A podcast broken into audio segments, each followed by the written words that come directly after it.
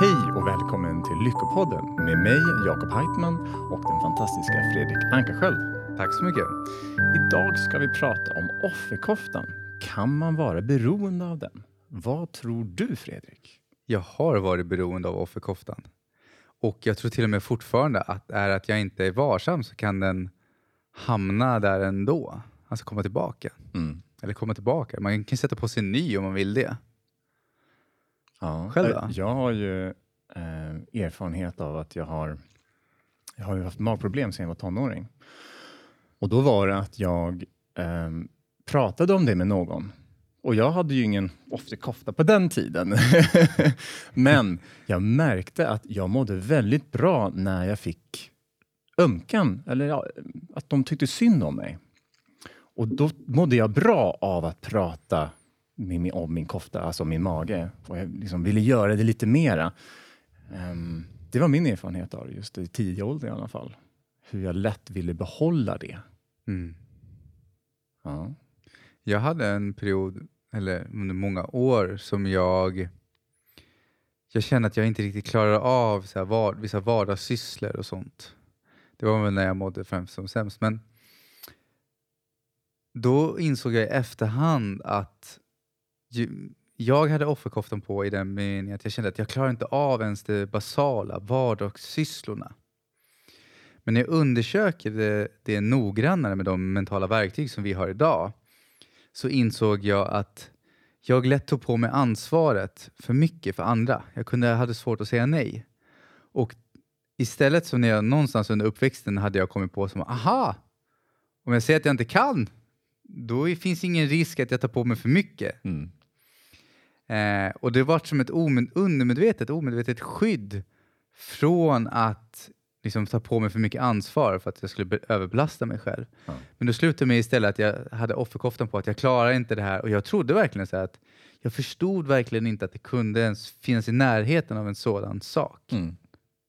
Ja, jag minns även alltså med min mage igen då. Det gick så långt eh, att jag, jag fick ju sjukförsäkring om jag var sjuk. Och det gav ju, det var ju fina grejer. Så jag, jag, jag kom på efterhand då så här, hur jag tänkte. Men jag tänkte så här att jag, om jag mår dåligt nu, då får jag eh, sjukförsäkring av doktorn. Mm. Och så mådde jag bra. Alltså magen blev bra när jag gick på toaletten. Och jag bara, shit, åh nej. och så fick jag, tyckte, och sen när jag väl fick, blev dålig i magen igen, så här, två dagar senare, så bara, åh vad skönt, åh, jag, jag är sjuk. och det är inte det jag vill egentligen ha. Jag ville ju vara frisk, jag ville ju vara, eh, ha jobb, jag ville plugga, jag ville göra allt som en vanlig människa. Men det här hade blivit så långt av att jag hade kopplat det till någonting positivt. Och vad var den positiva intentionen med det? Nej, Ja, precis. Att jag, det positiva med det hela var att jag kunde slappna av och ehm, ha ledigt. Ja. Mm. Mm. Och Det är det som är intressant när vi pratar om offerkoftan, är att inse att när vi har någonting som vi upplever som är negativt, men vi behåller det, så kan det finnas att vi har en positiv intention till det hela. Men sättet vi försöker uppfylla den på är en strategi som inte funkar för oss. Och för mig kan det ju vara till exempel att ja, men jag ville känna mig fri förut. Det var väldigt viktigt för mig att känna mig fri. Mm. Så därför önskade jag att någon annan gjorde sakerna åt mig. Alltså typ som när vi sitter här idag. Jag önskar att någon annan kunde lära sig all utrustning. Jag önskar att någon annan kunde lära sig redigera. Mm. Eh, men jag fick omprogrammera mig själv och inse att jag var mindre fri. Så att positiva intentioner var att känna frihet. Jag ville inte binda upp mig. Jag ville känna mig fri, att jag kunde göra det jag ville. Men strategin var att försöka, att jag trodde på att om en, då är jag, jag är fri om någon annan gör det. Mm. Det låter ju som att du stängde in dig själv i den rollen, i den situationen eh, där du inte behövde göra någonting. Jag trodde, alltså jag levde en illusion att om någon annan bara gör det här åt mig, då är jag mer fri. Mm. I efterhand har jag blivit mer det här jävlar mamma, kavla upp armarna och göra det som jag är kongruent med. Alltså om det känns, jag kan utmana mig själv. Det viktiga är bara att jag alltid känner efter och kollar på, är det här en, bara att jag har en blockering? Eller liksom, jag undersöker hela den tiden mina tankar om det inte känns rätt. Så att det är inte bara så att jag pushar mig själv och pushar mig själv. Mm. Jag känner efter och tänker efter också. Mm. Så det viktiga är så att det jag menar på är att jag har gjort misstaget förut också. Att jag tänkte att ah, det sitter bara i huvudet, det är bara att göra det. Och så insåg jag när jag hade gjort det i två år att ah, det var satt djupare än så. Det kanske inte är det här jag faktiskt ska göra. Mm. Du hade en liten programmering som sa till dig att du skulle göra så här. Nu har jag ju lovat det här. Ja. Måste jag ju hålla det. Ja. Och den kan vara positiv ibland att ha, men Mm. det kan vara bra att känna efter. Är det verkligen i det här fallet så? Mm. Du sa att det var en positiv intention. Ehm, men då menar du inte att man ska leta efter det positiva i det hela? Nej, utan det handlar om att titta på, låt säga, vi gör som ett exempel som du pratade om, att ja, men du fick uppmärksamhet när du pratade om din alltså magsjukdom. Mm. Crohns. Ja, precis. Crohn, tarm, in- tarminflammation. Ja. Eh, och då är den positiva intentionen, skulle kunna vara i det här, det är ju upp till var och en, det beror ju på från människa till människa, men i det här fallet skulle det kunna vara att då känner du dig sedd. Det är den positiva intentionen. Mm. Sen kanske du har kommit på så här, aha, en strategi för att bli sedd, det är att jag pratar om min magsjukdom. Mm. Och då uppfylls ju den positiva intentionen att bli sedd. Och genom att titta på så här, ja, men, är det så jag vill bli sedd då? Ja, det här är Jakob, det är han med sin tarmsjukdom. Precis. Är det det som ska vara den primära saken folk kommer ihåg mig för? Mm. Känns det verkligen rätt? Är det kul? Är det bra? Känns det bra? Nej, och jag kom på det ganska fort också, för jag var någorlunda medveten när jag var 16, 17, 18 år. Eh, men jag kom på mig själv och jag ganska snabbt, alltså kanske ja, efter några månader i alla fall av att ha hållit på så, typ bara, oj, vad håller jag på med? Så precis som du säger, det var inget roligt att vara den sjuka personen. Och man får väcka sig lite grann eh, ur det här tankesättet och säga, okej, vad är det för något som du säger där? Vad är det, varför, varför tycker jag det här är positivt för? Så kan man hitta det. Och i mitt fall så var det nog att jag, jag, jag tyckte om uppmärksamhet. Jag var lite ensam kanske. Jag var inte bland coola gängen hela tiden och hade massvis med grupperingar eh, i grupperna och allting som där var populäraste killen. Utan jag tyckte om det. Och enda sättet som tjejerna gav mig uppmärksamhet, bara åh nej, oj oj oj. Mm. Och jag bara oj, jag blev alldeles till mig. Mm. Ja.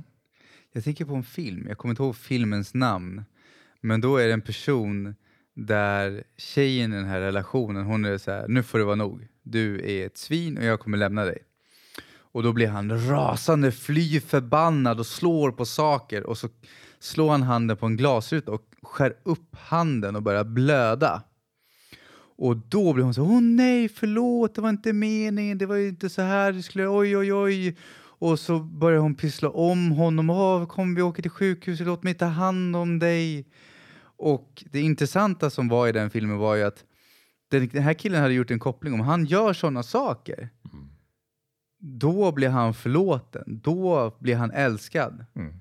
Så att Ja, istället för att... eh, han fortsatte ju med liknande beteende, för det gjorde ju att när någon höll på att lämna honom, så det funkade ju. Ja, så började han slåss med att ha sönder grejer och skada sig själv. Ja. Ja. Och det gjorde ju att han kunde, alltså den positiva intentionen där var ju att han kanske var livrädd att förlora hennes kärlek. Mm.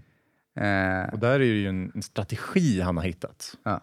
En strategi av att det kan ju vara nästan vad som helst. Alltså man, man, man gör någonting och sen så märker man att ah, det fungerar.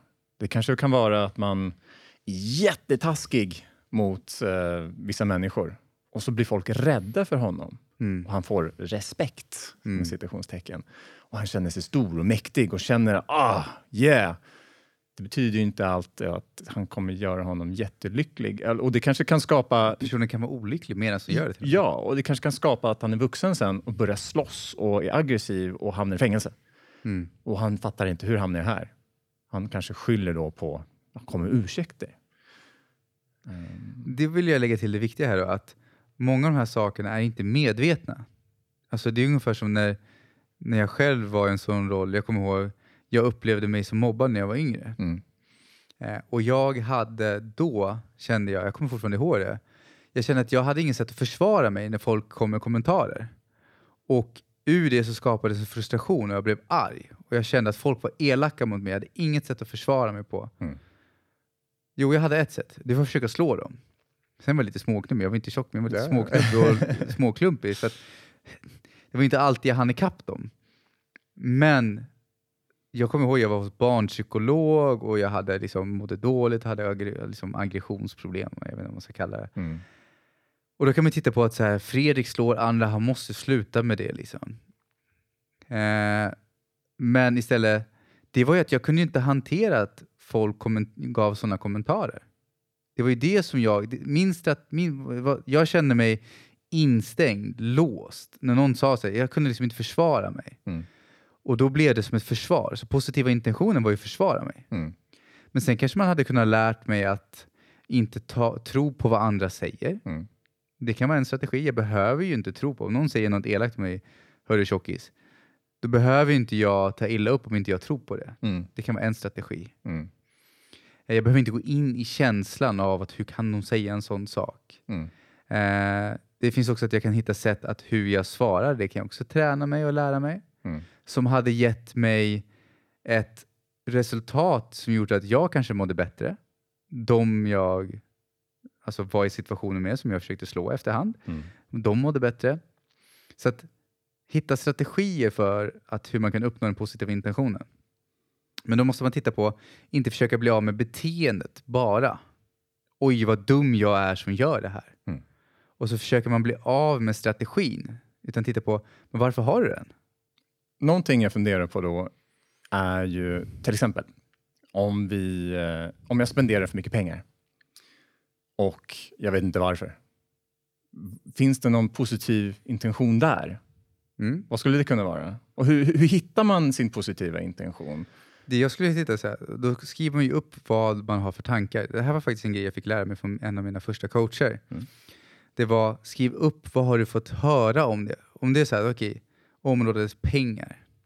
Vad fick du höra om pengar när du var liten? Fick du höra att pengar är roten till allt ont? Det är liksom, det är bara giriga jävlar som kröser sork. Vem fan tror de att de är? Mm, mm. Eh, liksom, vad fick du höra? Eller var du Pengar- avundsjukan? Ja, Om bilen hade köpt... Alltså jag har en bekant, hennes mamma, så fort när grannen hade köpt en ny bil, så bara hm. Ja, ser du nu? Kolla! Ja. Ja, vad köpte en ny bil också. Mm. Ja. Och de här grejerna, och undermedvetet kan det vara så här att ja, men jag vill att mamma älskar mig. Jag, vill, jag skulle inte vilja att mamma... Så, och då kan man, om man drar kopplingar, speciellt som liten, dra kopplingar att aha, så om jag köper nya fina saker Mm. kommer jag få den här behandlingen. Mm. Det är inte säkert att det är så, men det kan vara den positiva intentionen. Ja. Pengar växer inte på träd. Ja, Och höra det år efter år efter år. ja. Då hamnar man den, i den situationen också. Att ja, det kommer alltid vara brist på pengar. Så positiva intentionen kan ju vara då att om jag, om jag tänker att pengar är roten till allt ont, för att det är det jag fått höra under uppväxten, så, så kanske jag omedvetet tänker så här, vill jag vara en ond eller god människa? Nu kanske inte jag reflekterar, ah, okej, men jag vill vara god. Mm.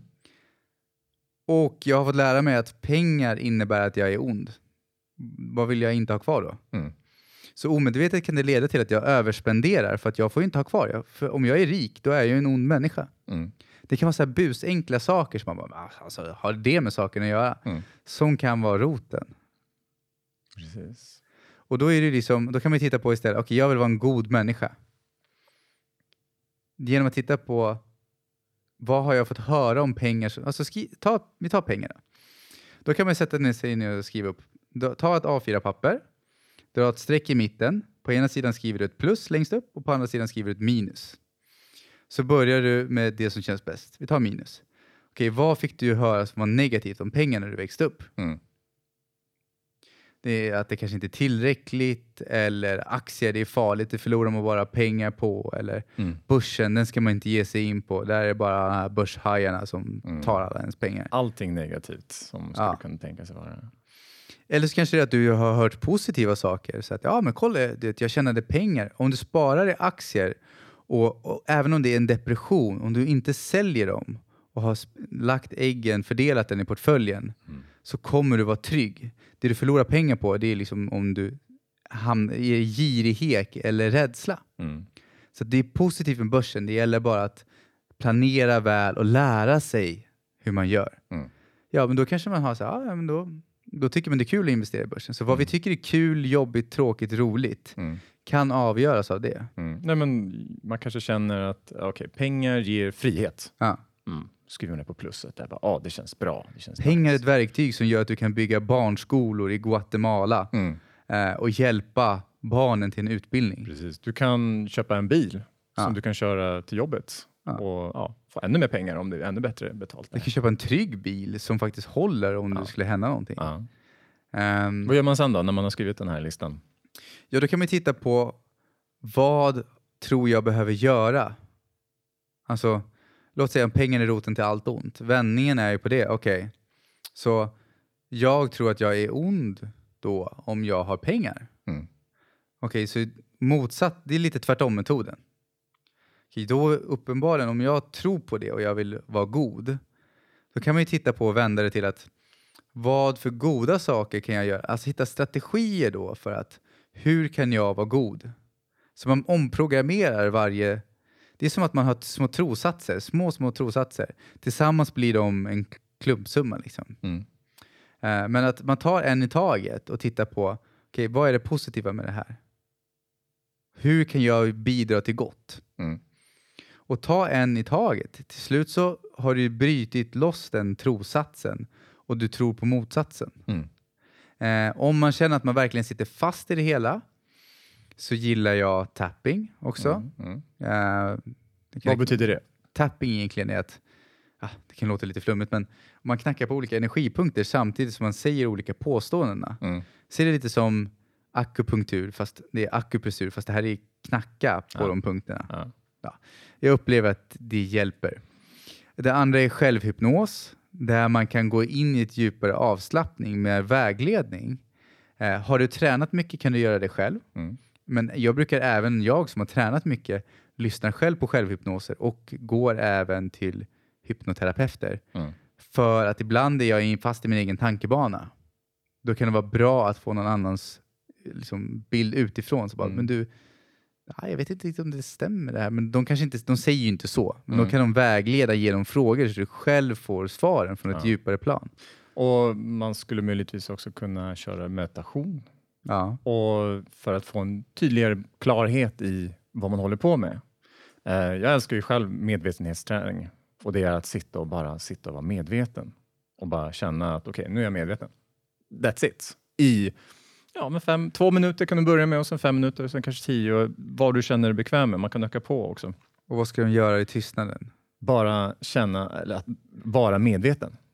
För det här kan göra så att du sen väcker dig själv. För det är lätt hänt Tänker att du, man... alltså, bara så att folk, folk förstår, medveten? Är det typ som att du observerar? Precis. Jag tänker att du sitter och kollar på molnen, de svävar förbi. Du dömer inte molnen. Mm. Typ som med tankar, eller? Ja, väldigt simpelt egentligen. att Man är medveten om att okej, nu går jag, nu promenerar jag.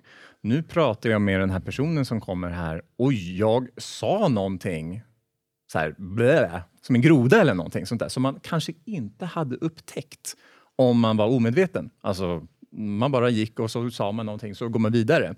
Men om man går så här, okej nu är jag medveten och sen så säger jag någonting, blä, så bara, oj, vänta, okej.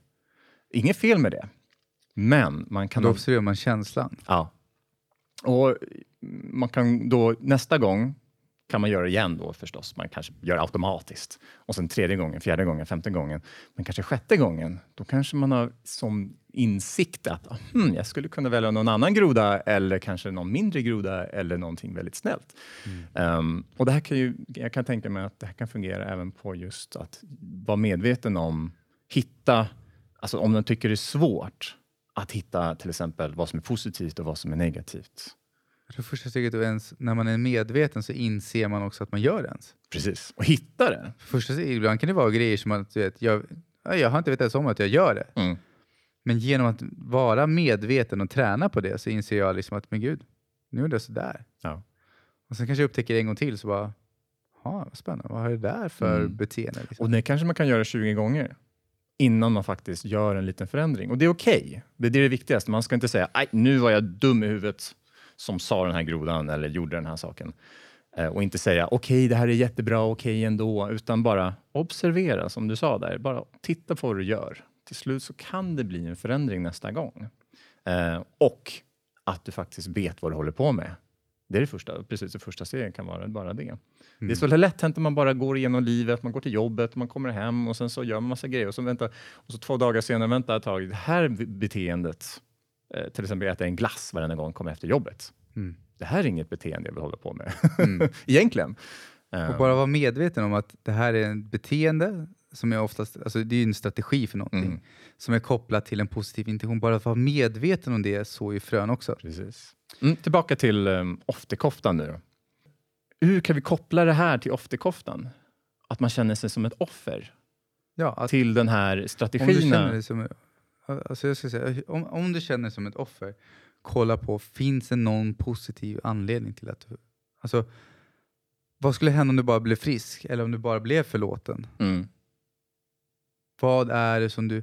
För att rädds, ibland är vi rädda för att tänk om, tänk om det bara blir bra. Vad ska jag då göra? Vad ska mm. jag då fylla tiden med? Ja.